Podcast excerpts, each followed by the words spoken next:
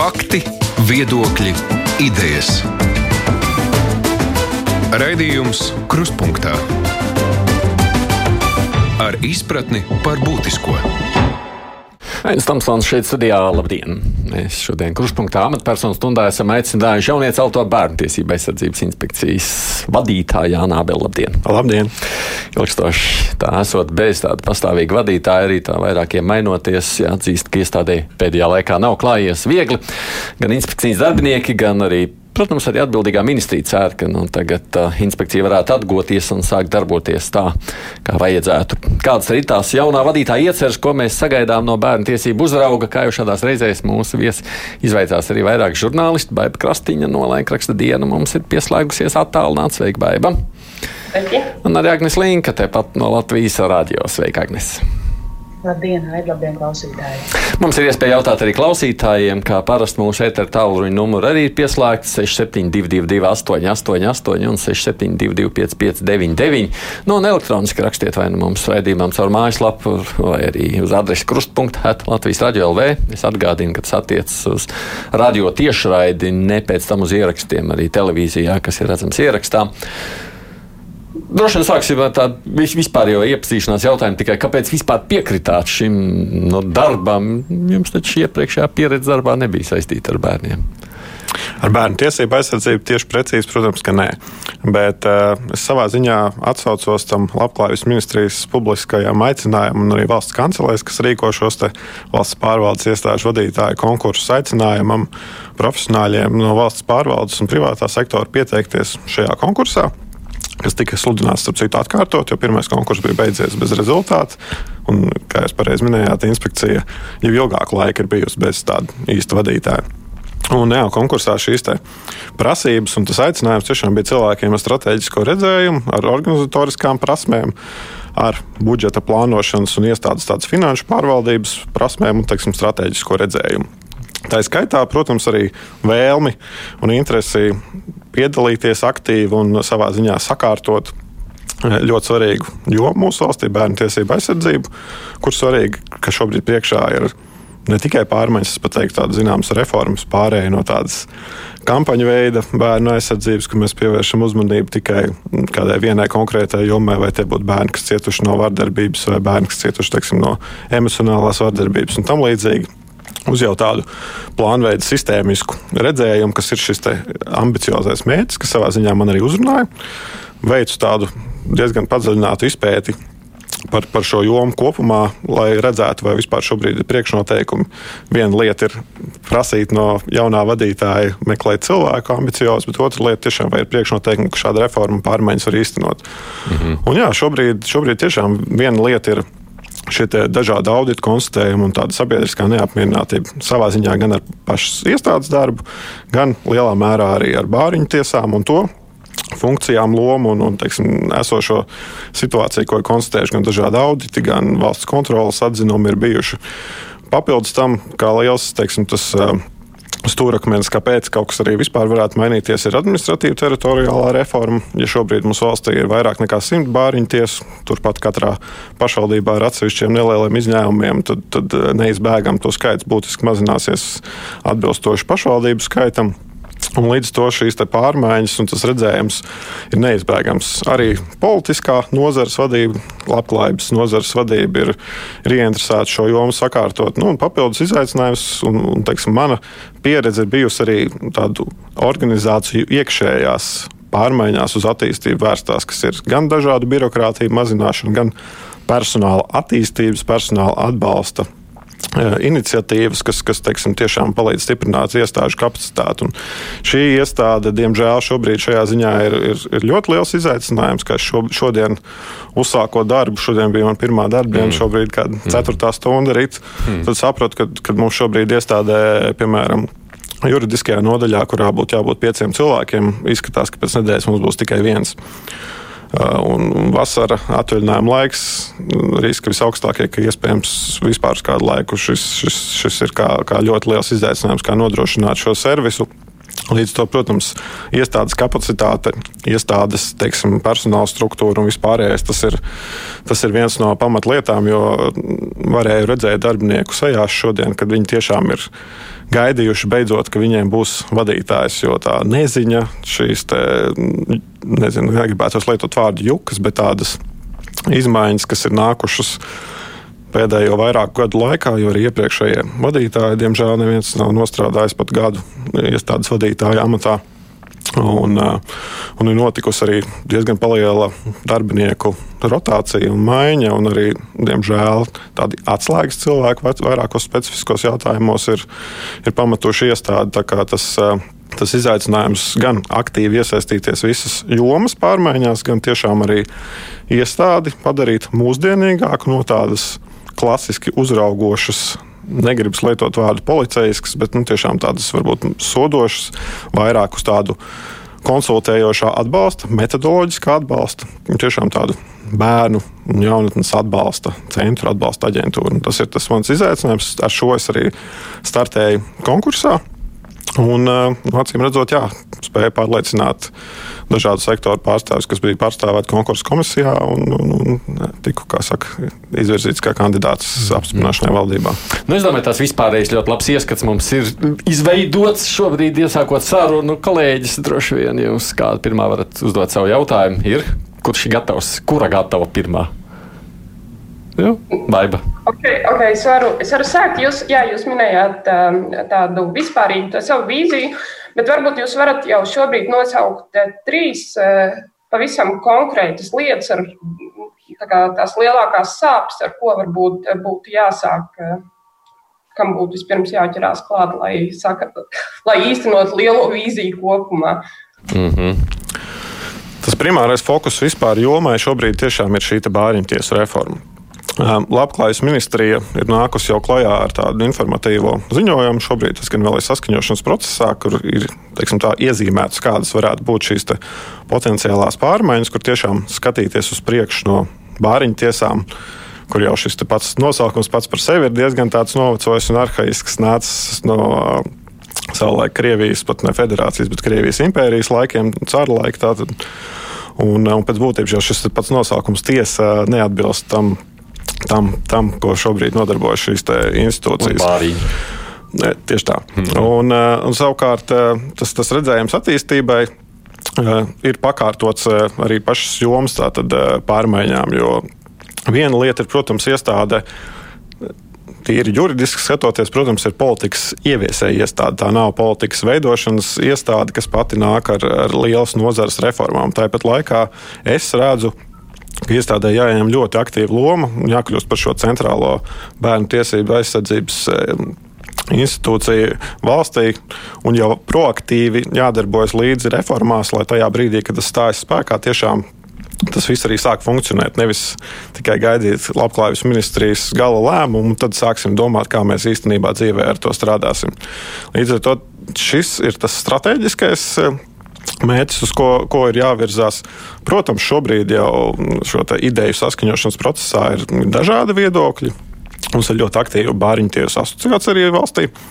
Um, inspekcija gan savā ikdienas darbā ļoti regulāri un aktīvi ar viņiem sadarbojas. Protams, tajā brīdī, kad ir runa par jau sistēmiskām, lielām potenciāli pārmaiņām, tie viedokļi mēdz atšķirties. Un, un mana, mans teiksim, redzējums ir tāds, ka es nevēlos tiešām akli aizstāvēt kaut ko, kas ir bijis kādreiz. Sāk, sāku strādāt no šī brīža, un nu, tiešām skatos to, ka šis iespējams ir tas gadījums, kad abām pusēm ir jāpanāk pussoli viens otram pretim. Inspekcijai ir aktīvāk jāstrādā tieši metodoloģiskā atbalsta jomā, tiešām kā atbalstam bāriņtiesām, jo tas ir tas, ko Bāriņtiesa asociācija aktīvi ir arī pārmetusi inspekcijai par to, ka tieši šis atbalsts viņiem netiek nodrošināts un arī varbūt metodoloģiski nevienmēr.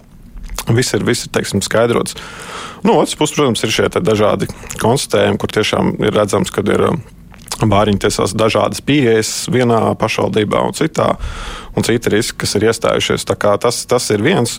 Otrs izaicinājums, protams, ir lielais mērķis ir sistēmiska bērnu tiesību aizsardzības joma valstī, kur ir uh, starpnozara patiesībā izaicinājums. Un ļoti ceru, ka šajā ziņā man tiešām palīdzēs manā dažādu sektoru pieredze, plus tas, ka es esmu organizējis dažādu veidu darba grupas un, un nācis ar dažādām iniciatīvām. Jo, jo starpnozaru sadarbība tas ir diezgan tāds uh, sāpīgs temats, kur nevienmēr var panākt ātru virzību uz priekšu. Un bērnu tiesību joma tas ir gan, gan pats par sevi labklājības sektors, bet tas, protams, ir tieslietu sektors, tas ir veselības sektors, tās ir pašvaldības un to iestādes, tas ir neizbēgama izglītības joma. Tas ir liels, liels teiksim, spēlētāju lokus un ļoti svarīgs, varī, svarīgs teiksim, spēlētājs manā skatījumā ir arī nevalstiskās organizācijas. Ja iepriekš es esmu strādājis dažādās iestādēs, kas arī sniedz atbalstu, piemēram, tiem pašiem uzņēmējiem, tas varbūt esmu bijis tāds savā ziņā netipisks ierēdnis, jo tas mans skatījums parasti ir bijis ne tik, ne tik ļoti varbūt, likumos bāzēts, cik tiešām jautāt, ko mēs varam izmainīt, lai jums labāk palīdzētu strādāt. Un es uzskatu, ka arī bērnu tiesību aizsardzības jomā, kur mums ir nevalstiskās organizācijas, kas bieži vien ir eh, tiešām fanātiķi, kas ziedo savu brīvo laiku un bieži vien ne tikai brīvo laiku. Lai strādātu bērnu atbalstam, ka, ka viņu iesaist un tiešām sēšanās pie viena sarunu galda un, un atklāt jautāšanu, kā mēs viens otram varam palīdzēt, lai mēs tiešām šo jomu papildus uh, sakārtot un palīdzētu vairāk. Jo, Diemžēl jā, šai jomai valstiski finansējums netuvu nav pietiekams. Un, un esmu jau arī brīdināts no saka, politiskās vadības puses, ka, ka tuvākajos gados noteikti uz, uz liela mēra. Finanšu pieaugumu nevajag cerēt. Līdz ar to tiešām, ja mums izdodas vienoties, vienota mērķa labāk strādāt, tas būtu ļoti būtiski. Bet kas ir ļoti svarīgs elements, ko es atstāju kā pēdējo, protams, ir prevencija. Um, šobrīd ļoti bieži šis darbs vispār bērnu tiesību aizsardzības jomā notiek vairāk jau cīņa ar sekām.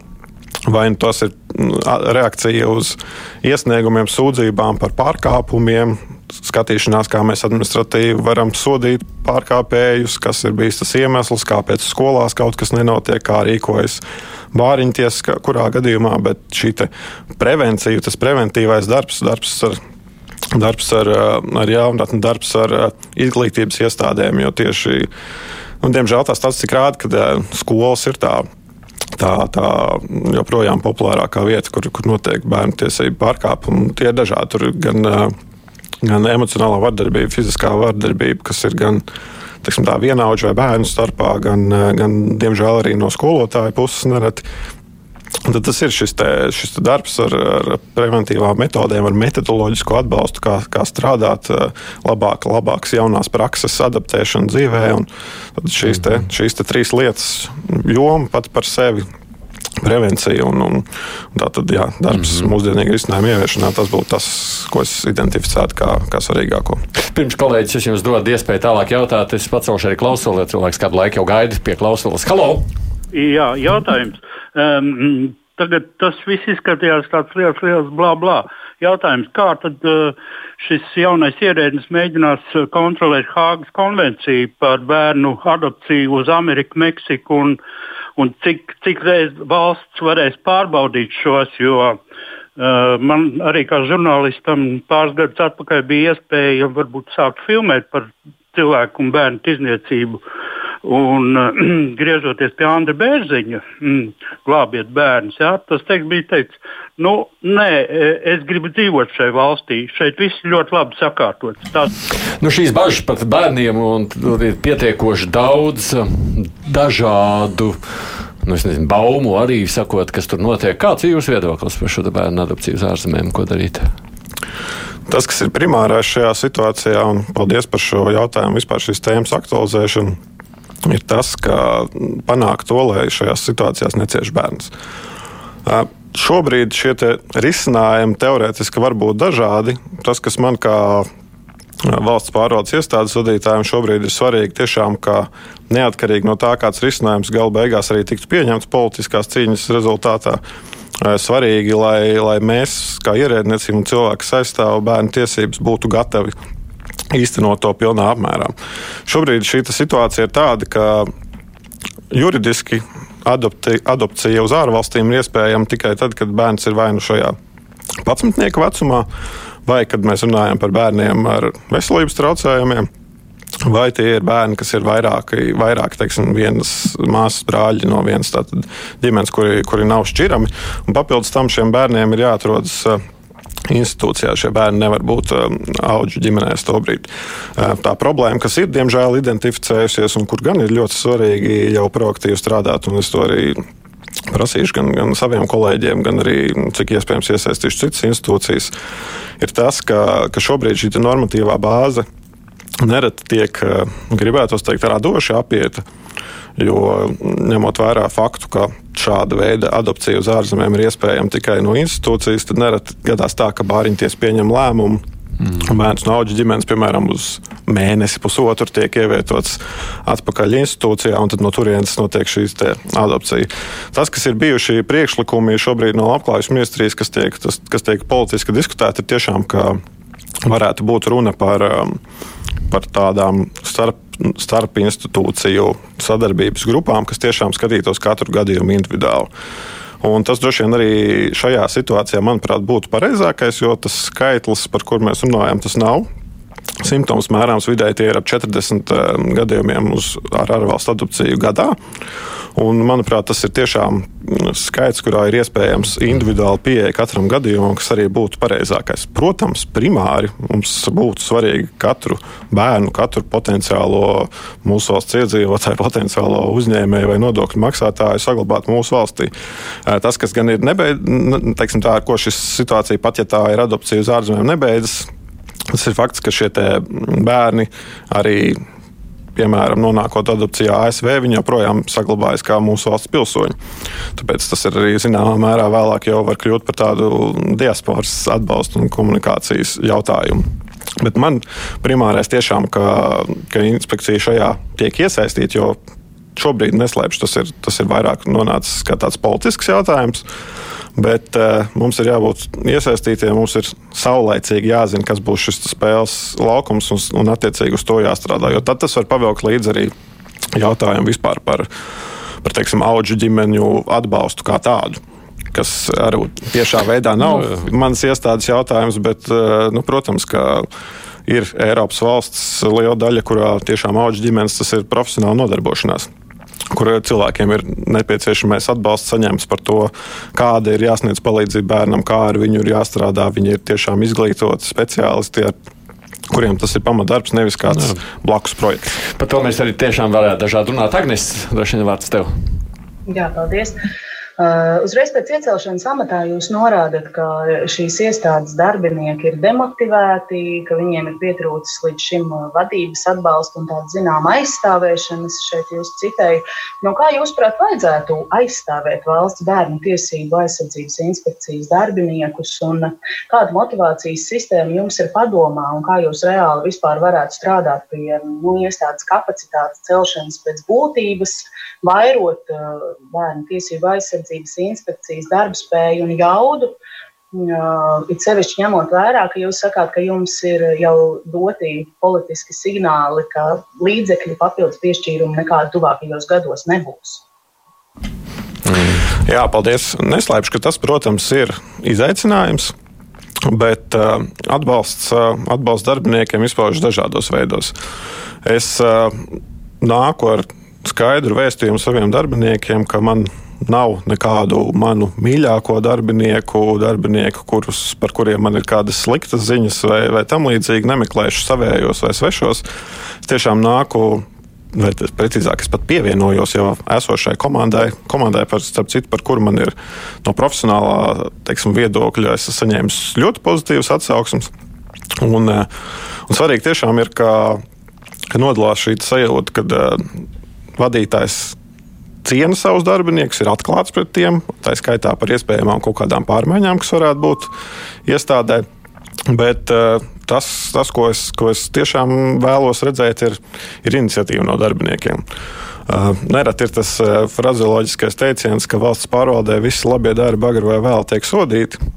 Tad es, kā jau minēju, varbūt esmu mazliet cits paudzes cilvēks ar citu skatījumu uz, uz iniciatīvu. Un, Jau šodien darbiniekiem uzrunā teicu, ka manas durvis ir atvērtas, nāciet ar jaunām idejām, īpaši tur, kur mēs varam kaut kādas birokrātiskās iekšējās lietas uh, mazināt. skatīties, ko mēs varam vienkāršot, mīkstināt, pārbaudēs. Iespējams, ir kaut kādas procedurālās, tehniskās lietas, kuras varam mūsdienās nedarīt vairs nemaz. Jo jo ir jaunas metodas, pēc kurām, pēc kurām strādāt.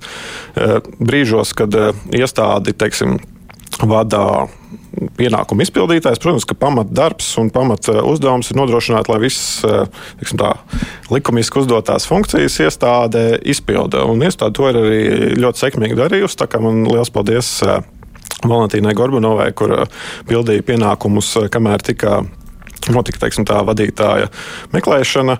Bet, bet protams, tie ir nemateriālie motivācijas līdzekļi, ko mēs varam skatīties, piedāvāt. Viens no tām tiešām ir darbinieku dažādu veidu apmācības, jo šobrīd tāda personāla vadības pieeja ir diezgan izpalikusi.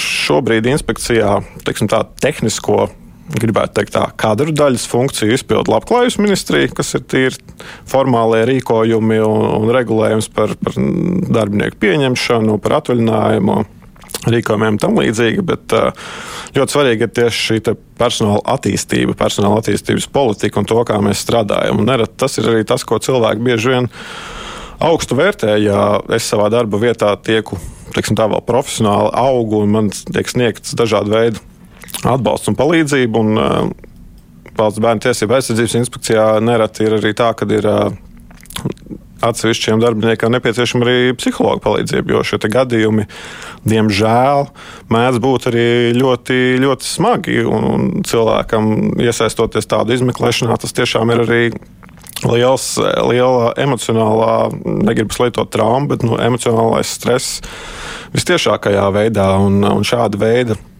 Palīdzību, saulēcīgu palīdzību, identificējot, kas ir tās lietas, kurās, kuras, kurās ir jānāk, jānāk palīdzīgā un kuras ir jāmaina. Mm. Tas ir, bet gribu uzsvērt, ka neskatoties uz signāliem par, par, par to, ka finansējuma teiksim, palielināšana varbūt varētu arī nebūt. Es būšu pietiekami aktīvs, iespējams, arī pietiekami nekaunīgs un šādus priekšlikumus un atgādināšanu saka, izmantošu jebkurā situācijā un tiešām cīnīšos par to, lai agrāk vai vēl nozara būtu vai joma būtu arī finansiāli atbalstīt. Mm. Kolēģi? Vai drīkst? Uh, mm -hmm. Baiba? jā, jā, Agnes, jā. saka. Es, vēl, es vēl gribu vaicāt, jūs uzreiz pēc iecelšanas amatā sakat, ka mums nav um, motivācijas tikai ieņemt šo amatu, bet gan pārveidot valsts bērnu tiesības inspekciju par mūsdienīgu bērnu un jaunatnes atbalstu un labklājības centru. Nu, nav noslēpums, ka valsts bērnu tiesība aizsardzības inspekcijai šobrīd ir vadošajām lomām un tāda vadošā iestāde tieši bērnu tiesību aizsardzībā Latvijā. Tās pamatu uzdevums ir nodrošināt tomēr šo tiesību un interešu kvalitatīvu uzraudzību un aizsardzību. Es gribu jautāt, kādas tieši transformācijas gaida inspekcija. Varbūt jūs varat precizēt, vai jums ir kā mainīt iestādes pamatfunkciju, atbalsta centrs un tiesību uzraudzība. Uh, Un, un aizsardzības iestāde nav gluži viens un tas pats. Atsakot, ko nozīmē šī doma jūsu teiktais? Jā, jā sapratāk. Šis daļai iet kontekstā ar manis jau iepriekš piesaukto prevenciju, kas ir tiešām šis te. Gribētu teikt, pēdējā desmitgadē izmainījies jēdziens arī bērnu tiesību aizsardzības jomā, jo prevencija tiek pozicionēts kā tiešām šis svarīgākais redzējums. Un, tas, kas šobrīd ir Nereti, nereti pamat, pamatdarbs eh, bijis inspekcijai vai pamata eh, resursi, kam ir bijuši veltīti, ir tiešām šī reaģēšana uz, uz pārkāpumiem, reaģēšana uz smagām, smagām sekām, kas ir kaut kur iestājušās. Tāpat bāriņu tiesu tiešām uzraudzība vairāk un atsevišķos gadījumos tiešām mēģinājumu kaut kādā veidā. Negribu teikt, sodīt, bet, eh, bet nu, audzināt šo, šo, šīs jomas pārstāvjus. Bet tas, kas ir Tas, kas ir būtiski, tiešām ir mainīties un būt šim atbalsta centram, kas atbalsta metodoloģiski, tad sniedz šo atbilstošo metodiku, pēc kādām, kādiem principiem ir jāstrādā gan gan bāriņu tiesām koordinē šo darbu, kā tā teikt, atbalstoša koordinācija, lai bāriņu tiesu lēmums, kas tiek pieņemts vienā pašvaldībā, analogā situācijā, citā pašvaldībā, tiktu pieņemts pēc vienotiem principiem. Diemžēl šobrīd nevienmēr tāds ir bijis. Jā, arī ir no pašas inspekcijas kolēģiem jau arī paustas jau iepriekš bijušas bažas, ka šādi riski ir pastāvējuši tieši mazās pašvaldībās, kur nereti auga ģimenes status tiek piešķirts iespējams labiem paziņām un, un tam līdzīgi gadījumi. Negribu, protams, vispārināt, ka tas ir tāds tendence, bet, bet nu, šādi riski ir, ir pastāvējuši. Šobrīd, kad tiek veidoti vai ir plāns veidot bāriņtiesu vietā pašvaldību bērnu tiesību atbalsta centrus vai dienestus, kas ir arī pašvaldības institūcija un kur tiešām jau atbilst šīs funkcijas eh, šādam, šādam redzējumam, ir ļoti svarīgi, ka no No valsts puses ir šī centrālā iestāde, kas ir viņu, viņu atbalsts. Viņu atbalsts koordinēt darbību veikšanā, viņu atbalsts ar metodikas atbilstošu piešķiršanu. Tas pats attiecas ne tikai uz bāriņu tiesām, tas pats attiecas arī uz izglītības iestādēm, skolām, skolu sociālajiem pedagogiem un, un tam līdzīgi. Mm. Kristīna, prasa, kas jūs kāds uzrunāja arī kandidēt šajā konkursā vadītajā matā? Viena lieta, ko es jau minēju, tiešām bija šis publiskais uzsaukums, ja tā var teikt. Jo ņemot vērā, ka pirmajā konkursu reizē jau nebija atrasts sudītājs, tad, tad plašākā publiski redzams bija šis uzsaukums. Bet, bet jā, man tie gan bija ne gluži uzrunājumi, tie bija tādi personīgi iedrošinājumi. Tā es tos nosauktu no diviem savstarpēji nepazīstamiem cilvēkiem, kas vērsa man uzmanību uz šādu šādu vakanci un to, ka uh, ar manām teiksim, organizatoru prasmēm vismaz būtu iespēja pretendēt šo amatu un, un prezentēt savu redzējumu. Tālāk, jau, protams, padziļināt, iepazīstoties ar to, kas, kas jomā notiek šobrīd. Es redzēju šos priekšnoteikumus, ko es jau raidījuma sākumā minēju, ka, ka jā, šobrīd ļoti aktīvi strādājot un ieņemot tādu nu, tiešām negluži līderu lomu šajā, šajā pārmaiņu procesā, jo tas tomēr ir politisks jautājums, kur ir labklājības ministrijas kompetence, bet būt ļoti tādam spēcīgam partnerim viņiem Nu jā. Ir iespējas šos pārmaiņas veikt. Tie uzrunātāji nebija no labklājības ministrijas. Tieši. Nē, tie, Nē, tie, tie bija viens cilvēks, bija kādreiz strādājis inspekcijā, viens mm. ir vienkārši pastarpināts saistīts bijis ar šo jomu. Es jau pacelšu klausulu pirms baivēta tāda. Halo! Jā. Ko, ko jūs dariet, lai bērns sargātu no sodomītiem, ko mēģināt tos padarīt par fiziski? Skaidrs, tas jautājums ir par kā pasargāt bērnus no seksuālas vardarbības upuriem. Es drīkst tā pārlikšu to. Nu, šis ir ļoti, ļoti smags jautājums.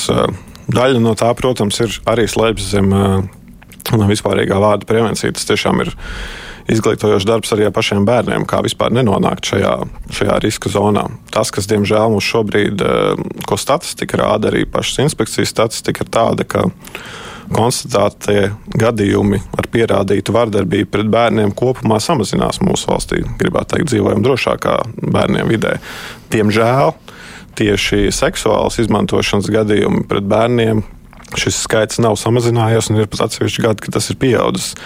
Līdz ar to šis ir tāds nu, smags jautājums, kur arī ir šī koordinētā sadarbība nepieciešama, jo šis ir krimināls sodāms jautājums, tas nav administratīvs jautājums. Šeit ļoti svarīga arī valsts policijas loma un, tas, kādā veidā visas iesaistītās puses strādā šajā, šajā jomā. Mums ir jāizglīto mūsu bērni par to, kā identificēt potenciālās riska situācijas, kā no tām izvairīties, jau pie pirmajām pazīmēm ziņot. Labāk ziņot jau tad, kad rodas šādas aizdomas, nevis tad, kad jau ir par vēlu. Bet, uh, Bet, jā, šis ir, nu jā, šis šis ir viens no smagākajiem jautājumiem, ar kuriem nāks saskarties. Jā. Baiva, tev ir kāds jautājums? Jā, jūs pieskārāties jau sākumā nedaudz juridiskajam departamentam. Es precīzi atceros, kur jums eh, palikšot iespējams viens darbinieks. Kā kopumā vispār ir ar darbiniekiem vai darbinieku trūkumu iestādē, un varbūt arī nedaudz plašākā mērogā, vai bērnu tiesību nozares speciālistu trūkums ir kā problēma. Vai jūs to saskatāt kā problēmu, un vai tur ir darāms un kas šajā? Mm -hmm. Jā, paldies par jautājumu. Ir tā, ka šobrīd Valsts bērnu tiesību aizsardzības inspekcijā ir 67 štata vietas, bet šobrīd ir 9 vakances. Šobrīd šie, te, šie te cilvēki mums ir dažādi profilu speciālisti. Ir, protams, juristi un, un, un inspektori, kas ir šie jau kas brauc pārbaudēs un ir šo faktu konstatētāji, tad, protams, liela loma šobrīd inspekcijā ir arī Eiropas sociālā fonda projektam, kas ir šis konsultatīvais atbalsts bērniem ar saskarsmes grūtībām.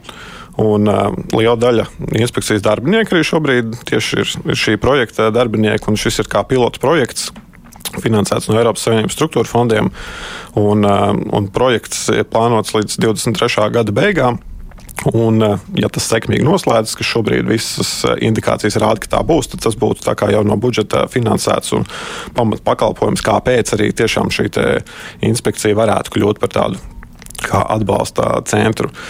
Eh, neslēpšu, ka, ka protams, atalgojuma līmenis pat salīdzinājumā ar citām valsts pārvaldes iestādēm nav tas pats vilinošākais potenciālajiem kandidātiem.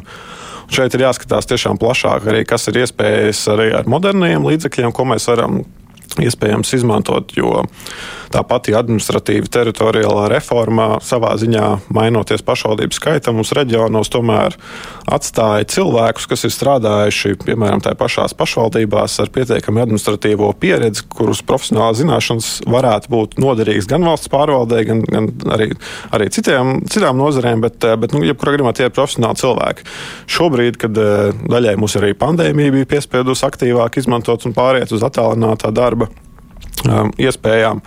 Šis varētu būt viens no risinājumiem. Iespējams, cilvēkam negribu aizvainot nevienu nu, teiksim, uh, apdzīvot vietu, bet, nu, piemēram, Kuldīgā, Alsungā vai, vai Talsos būtu iespēja strādāt uh, valsts, valsts labā, attālināti. Iespējams, jā, kādu reizi divās nedēļās būtu uz vietas, piedalītos kolektīvi tādās sanāksmēs un tam līdzīgi, bet, uh, bet nodrošināt te, šos te jautājumu risināšanu. Tas, kas ir tieši par bērnu tiesību aizsardzības speciālistiem, tad, protams, tā nianses ir tāda, ka, ka mūsu valstī šādu izglītību augstākās izglītības iestādēs nemaz nevar iegūt šādu specialitāti. Protams, bērnu tiesības ir savā ziņā pakārtot apakšjomu vispārējām cilvēktiesībām un teiksim, juridiskajās studijās kād, kādus aizmetņus no tā apgūt var, bet tas droši vien ir jautājums, par ko jāskatās arī valstiskā kontekstā. Iespējams, jā, kad arī mūsu, mūsu izglītības, eh, augstākās izglītības iestādēm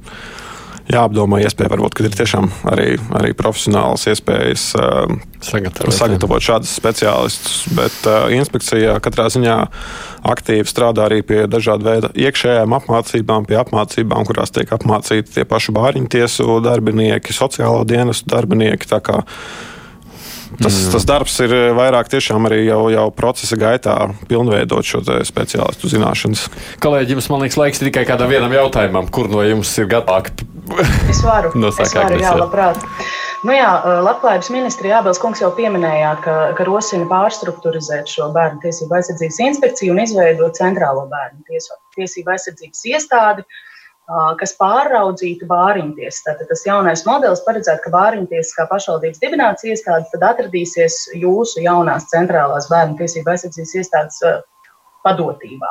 Bet, ja šobrīd tā situācija inspekcijā ir tik bēdīga, ka jūs jau šobrīd formāli pāraugat bāriņu tiesu darbu, bet tāpat laikā, piemēram, valsts kontrolas revīzija liecina, ka tur ir milzīgas problēmas, ļoti daudz pārmetumu jums kā iestādē. Tad, jā, iepriekš tas, ko jūs teicāt, nu, ko varētu formulēt kā naudas nav un nebūs, bet jūs turaties.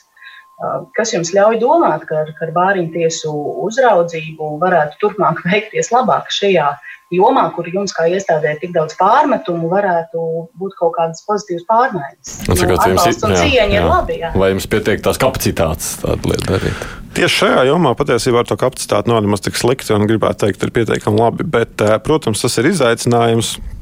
Un, tas kas, tas, kas ir šajā plānā un kas būtu tas saredzamais rezultāts, ir tas, ka ir skaidrāk šie spēles noteikumi.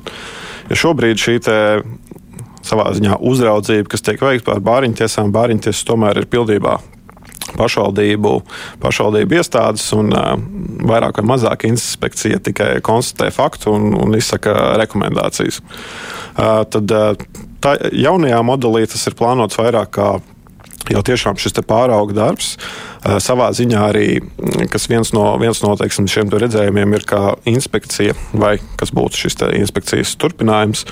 Uh, arī veids bāriņtiesu darbinieku certifikāciju. Tātad, attiecīgi, bāriņtiesu darbinieki tiek apmācīti pēc, pēc vienotiem, vienotiem principiem. Bāriņtiesu darbinieki tiešām kļūst arī par, par darbiniekiem. Tās vairs nav pašvaldības savā ziņā vēlētas uh, amatpersonas, bet tie ir cilvēki, kas tiešām strādā šajā jomā. Un tas jau ir atkal pavisam cits spēles laukums. Un, uh, un šeit, šeit, kas jau vienā brīdī, ko es minēju, ka ka jā, šobrīd no, no bērnu tiesu asociācijas ir bijuši pārmetumi. Tāpat laikā ir jūs jau piesauktie valsts kontrolas pārmetumi arī pašām bērnu tiesām un inspekcijai.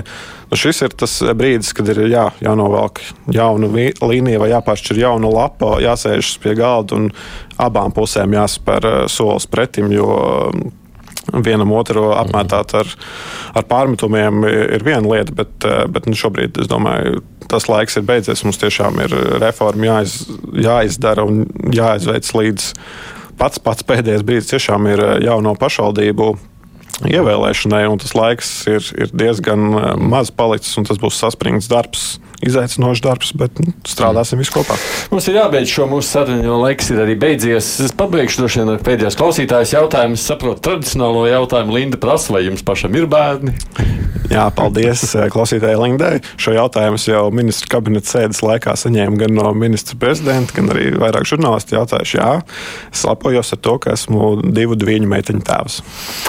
Paldies, Jānis Ābeli, kas ir jaunais bērnu tiesība aizsardzības inspekcijas vadītājs. Bija šeit studijā Kruspunktā. Paldies, jums, ka atnācāt. Paldies, aiciniet vēl. Paldies, kolēģis, nu, ka paspējāt uzdot tik, cik paspējāt. Vai Krastiņa no Laikraksta diena, Agnes Linka, tepat no Latvijas raģā. Paldies arī jums par iesaistīšanos.